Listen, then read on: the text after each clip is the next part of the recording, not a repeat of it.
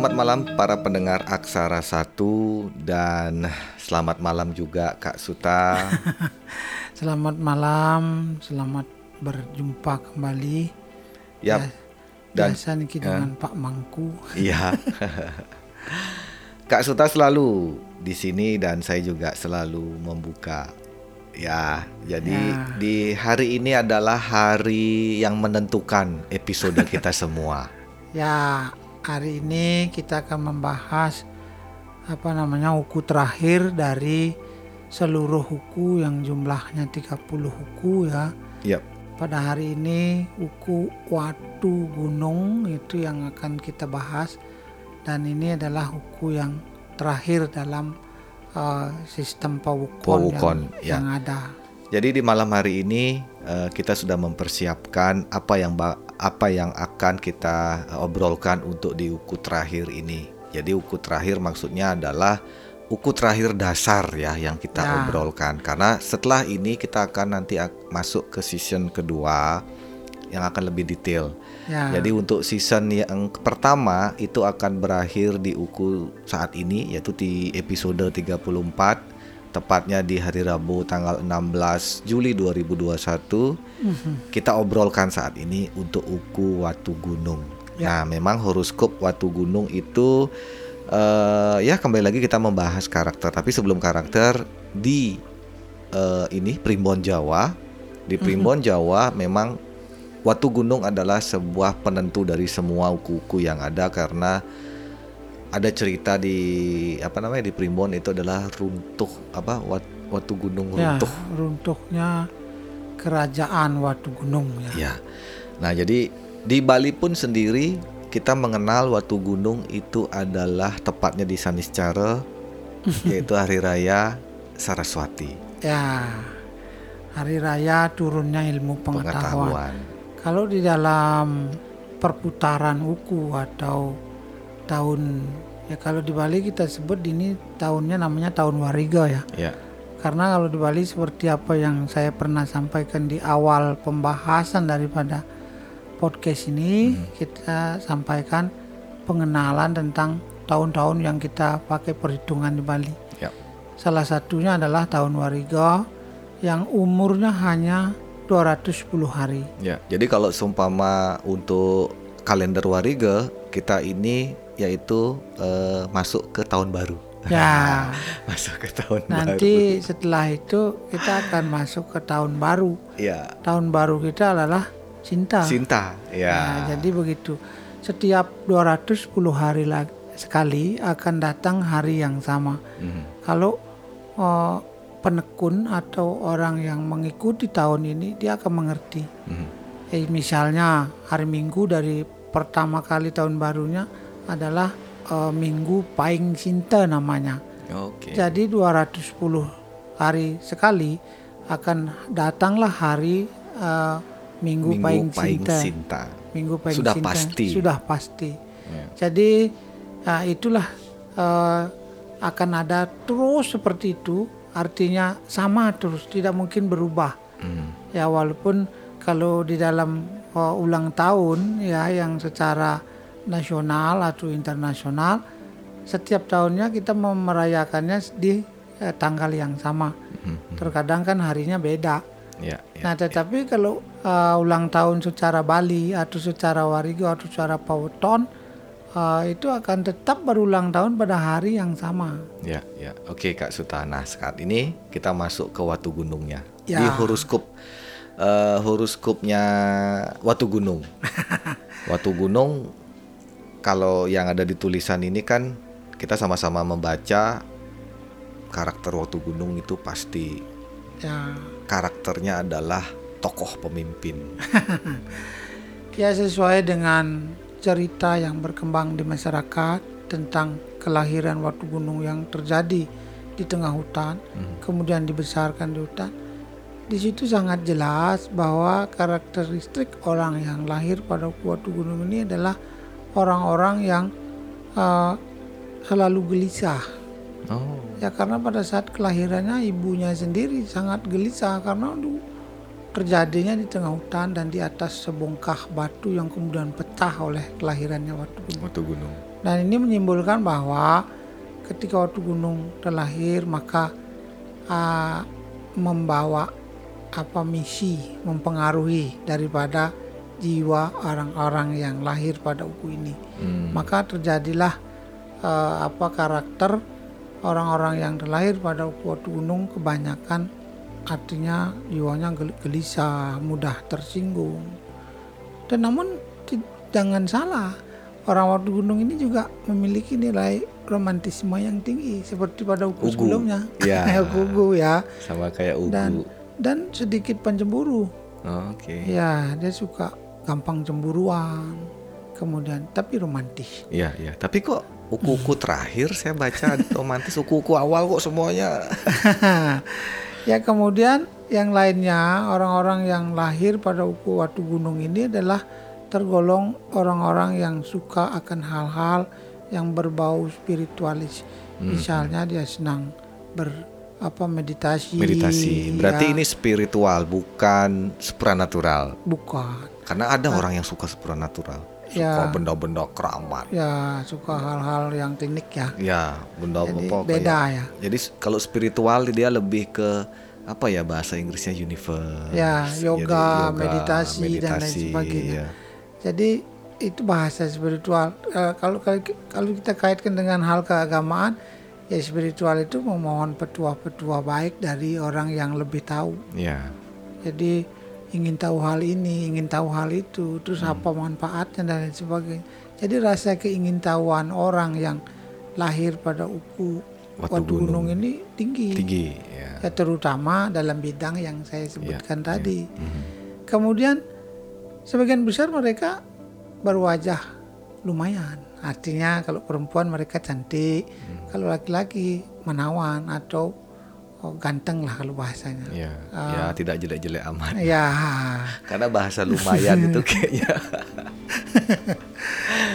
dan yang paling eh, eh, istimewa dari orang Watu Gunung ini adalah mereka tidak pernah berpikir bahwa orang itu jahat atau tidak, namun mereka akan dengan senang hati mendoakan orang lain supaya mereka menjadi lebih baik. Hmm, Ya kita tahu dia begitu, mudah-mudahan dia menjadi baik. Nah sederhananya bahasanya iya, begitu. iya.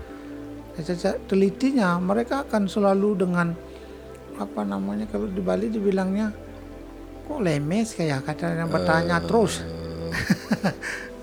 Jadi ah, ini bagaimana ya? Ini bagaimana ya? Ember. Ya kata orang ya kalau Balinya bilang cucut, tahu cucut ya? Sujud. eh, banyak bertanya kah atau banyak Ya, berbicara atau Cucut itu rasa ingin tahu yang tinggi, kemudian rasa ingin tahu yang eh, apa namanya mungkin kata orang kepo? ya dan tidak mau disalahkan. Ya, ya. Jadi dia dengan apanya ya, dengan ini harus ditanyakan, ini harus ditanyakan, ini harusnya bagaimana, ini harusnya bagaimana. Jadi orang waktu gunung itu begitu. Iya. Mereka tidak henti-hentinya rasa ingin tahu mereka dan mencari, mencari dan mencari. Mhm. Jadi terkesan mereka itu bagaimana ya? Kalau dikatakan eh, kalau orang Bali bilang lemes ya, Lemes. ah, melid ya kalau bahasanya melid. ya, ya. ya bertanya terus. Tapi kalau saya katakan mereka adalah orang-orang yang berpikiran baik. Mhm. Jadi mereka tidak memiliki nilai apa namanya negatif yang eh, banyak yang yang perlu eh, mendapatkan perhatian khusus eh, secara eh, sosialita artinya pergaulan. Mhm. Mereka juga orang-orang yang mudah bergaul. Bergaul. Ya. Jadi mereka tidak tidak melihat apakah ini orang kaya, orang susah, orang ganteng atau orang tidak ganteng. Ya mereka tidak memilih pergaulan itu. Mereka akan dengan mudah saja bergaul dengan banyak orang. Tapi kalau saya kait-kaitkan ini Wuku Watu Gunung. Watu Gunung identik kalau di Bali itu ada Hari Raya Saraswati. Ya Tapi kepintaran gimana menurut Kak Suta untuk di karakter Watu Gunung? seperti apa yang kita tuliskan karena mereka sangat teliti ya tentunya mereka memiliki nilai intelektual yang lumayan artinya maka seperti tadi apa yang menurut mereka kurang dalam segi intelektual kepengetahuan atau akademis mereka, mereka akan dengan apa namanya eh, tidak intinya menanyakan apa yang menurut mereka kurang. Ya, ya. ya. Jadi sebagian besar orang yang terlahir di Kuatu Gunung ini sangat mudah menjadi seorang pemimpin atau ke arah yang menjadi apa namanya ya. Kalau di dalam bahasanya dituliskan bahwa eh, mudah menjadi orang yang bisa memimpin orang lain. Ya, ya. Ya, jadi misalnya dalam skup kecilnya pemimpin organisasi kecil, Kecil, ya. memimpin misalnya Banjar atau di kalau di Bali organisasi kemasyarakatan. ya. Jadi mereka gampang diikuti oleh orang lain. Hmm, hmm. Jadi mereka bisa memberikan arahan yang benar. Karena ya seperti itu tadi. Ketika merasa tidak tahu, mereka akan mengejar sampai betul-betul memahami Ya, dan ya. betul-betul bisa eh, yakin bahwa apa yang mereka eh, tahu ini adalah sesuatu yang betul-betul memang bisa dipertanggungjawabkan. Oke, oke. Jadi kalau mereka merasa kurang, mereka akan terus saja bertanya. Mereka kalau merasa tidak pas, akan terus saja bertanya supaya betul-betul merasa bahwa ini pas. Nah, kalau seumpama dari karakter ini Kak Suta, mungkin melalui podcast Aksara Satu ini kita menggambarkan salah satu karakter orang seperti yang Kak Suta bilang tadi. Ini ada orang yang wah gencar sekali mencari sumber. Nah, karena kalau umpama saya singkatnya adalah sangat-sangat getol sekali untuk mencari sumber. Jadi dia bertanya, bertanya, bertanya. Tapi hati-hati karena warningnya di sini itu ini bahaya dianiaya orang. Nah, Ya. mungkin dari aksara satu ini mohon di di di, di- dipikirkan kembali probabilitasnya. Jadi kalau umpama sampai membawa karakter yang kata Kak Suta tadi apa lemes gitu ya, Ya. Usulannya yang bertanya sekali ini, hup harus mengerti warningnya adalah Ya, di sana- hati-hati dianiaya orang. Di sanalah dalam arti kembali saya sampaikan eh, kata orang teraniaya ya. Iya. Ya, bukan berarti diambilkan kayu dipukul-pukul ya bukan ya jadi itu namanya penganiayaan Itu kan kalau cocok loginya Kak Suta. ya dalam arti begini dianiaya itu adalah ketika kita oper ya eh, apa nama apa pun ketika oper tentunya akan menimbulkan orang lain tidak merasa nyaman kamu ini tanya aja terus belajar sendiri aja mungkin itu juga tergolong penganiayaan Iya iya iya iya iya iya. Ya, jadi dianiayanya seperti itu. Jadi orang akan mungkin timbul perasaan malas untuk kasih tahu, timbul perasaan apa? Oh, orang ini over posesif nanyanya terlalu posesif, terlalu ingin tahu Iya, gitu. Jadi iya. orang akan oh, biarin aja dia tidak tahu, biar pusing sendiri. Nah, ini juga tergolong penganiayaan. Mungkin mungkin bi- bi- bisa jadi karena dia saking itu udah mungkin lemesnya Nah. disembunyiin maksud bukan disembunyiin sih Ya. istilahnya menghindar sengaja tidak Mau tidak sengaja dilihat kan kan dia juga akan jadi ter Ya. terania- teraniaya tiba-tiba dia sendiri yang nggak tahu orang Ya. lain sudah mengerti nah ini juga termasuk penganiayaan artinya eh, kalau orang jalan dibully lah artinya maka berhati-hati dengan hal itu. Mudah-mudahan tidak terjadi ya. Artinya maka di situlah kemampuan kita di dalam mengendalikan eh, yang seharusnya kita tidak tanyakan ya tidak usah. Ya, ya. Makanya tadi jadi istilahnya ya sampai dengan wuku Watu Gunung yang terakhir ini saya berguna lah dalam arti ada satu kita punya karakter dan kebiasaan yang Ya. bisa mengakibatkan sangat cepat sekali kita terkena warning itu. Ya. Jadi inilah yang kita harus kuatkan dengan bahasa motivasi. Jadi istilahnya kalau pama sampai dia teraniaya, mungkin merasa apa namanya disembunyiin, ah bukan disembunyiin sih istilahnya ya menghindar, terkadang kan terus dikata-katain. Nah kita harus kuat. ya Itu pertama. Kedua supaya dia tidak begitu, ya jangan terlalu lemes. gitu. Jadi bagaimana menempatkan diri kata orang mampu kita menempatkan diri pada posisi yang benar. Mhm. Kapan saatnya kita bertanya, kapan saatnya kita istilahnya uh, menahan diri untuk uh, tidak selalu ingin tahu. Ya, ya. Jangan kepo gitulah. Ya, kepo. Oke Kak Suta di episode 34 ini mudah-mudahan menjadi uh, apa ya? Kita juga pasti beranggapan mudah-mudahan podcast Aksara Satu ini menjadi uh, acuan juga untuk kita dan para pendengar Ya. untuk memulai sesuatu ilmu pengetahuan yang Ya. baru dengan dengan konteks ini adalah warisan dari budaya asli Indonesia. Ya, dan di penghujung uh, apa namanya uh, episode untuk Yap. uh, tahap apa namanya season pertama, Pertama, ini, ya. saya selaku pribadi memohon maaf kepada para pendengar ketika apa yang saya sampaikan mungkin uh, tidak sesuai dengan Iya, iya. dengan apa yang sebenarnya terjadi atau sebenarnya uh, ada pada uh, personal atau diri masing-masing pendengar.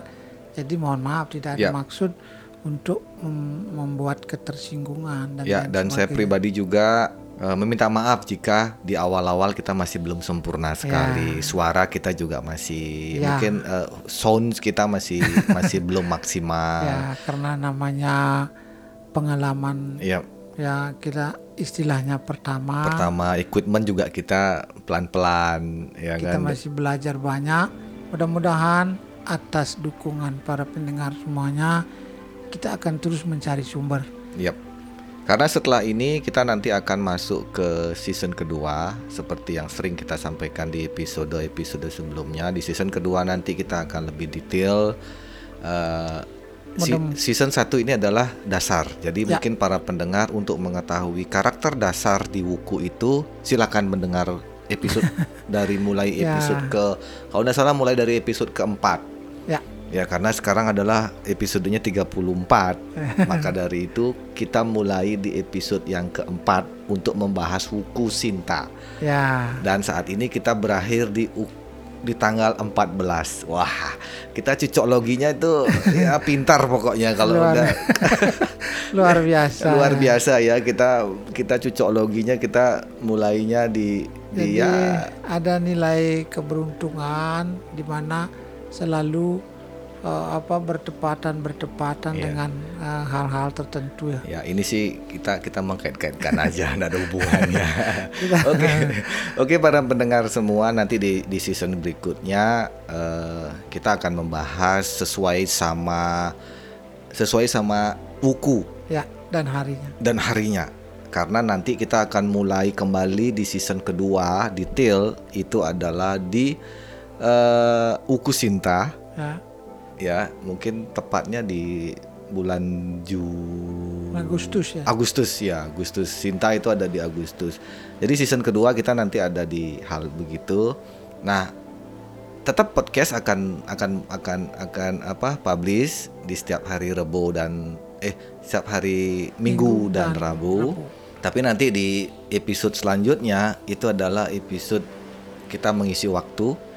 Kita mengisi waktu mungkin kita akan mencari apa ya narasumber lagi yang lain Ya, dan mencari eh, testimoni. Ya, apakah eh, hasil dari riset yang dilakukan pada zamannya ini apakah Nah, ada masih bisa eh, relevan, relevan enggak untuk di karakter masing-masing? Masih bisa nggak kita cocok-cocokkan. ya seperti tadi. Saya memang saya memang jago untuk mencucok logi kan Oke para pendengar Aksara satu untuk di episode ke-34 ini adalah episode terakhir di season pertama. Jadi Uku Watu Gunung sudah eh, kami sampaikan di hari ini. Eh, dari Sinta sampai Watu Gunung dasarnya sudah sudah kita sampaikan dan itu adalah bahasa yang sangat sederhana. Ya.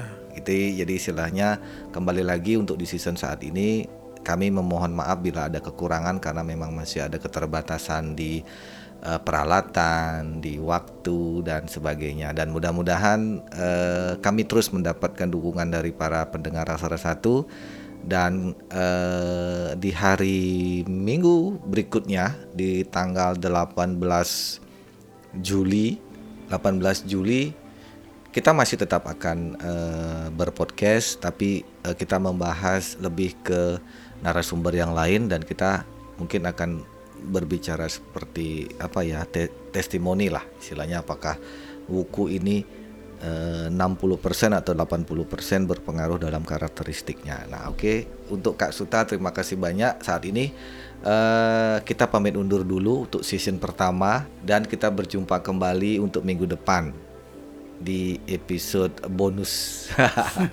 episode pengisi waktu ya. gitu. Nah, sambil menunggu pas dengan harinya. Ya, dengan uku Sinta. Dengan uku Sinta. Jadi nanti kita akan membahas detail mungkin saja seperti yang Kak Suta bilang uh, umur-umurnya, ya. terus uh, jodohnya. Jodohnya. Ya, terus uh, mungkin ada istilah hari naas.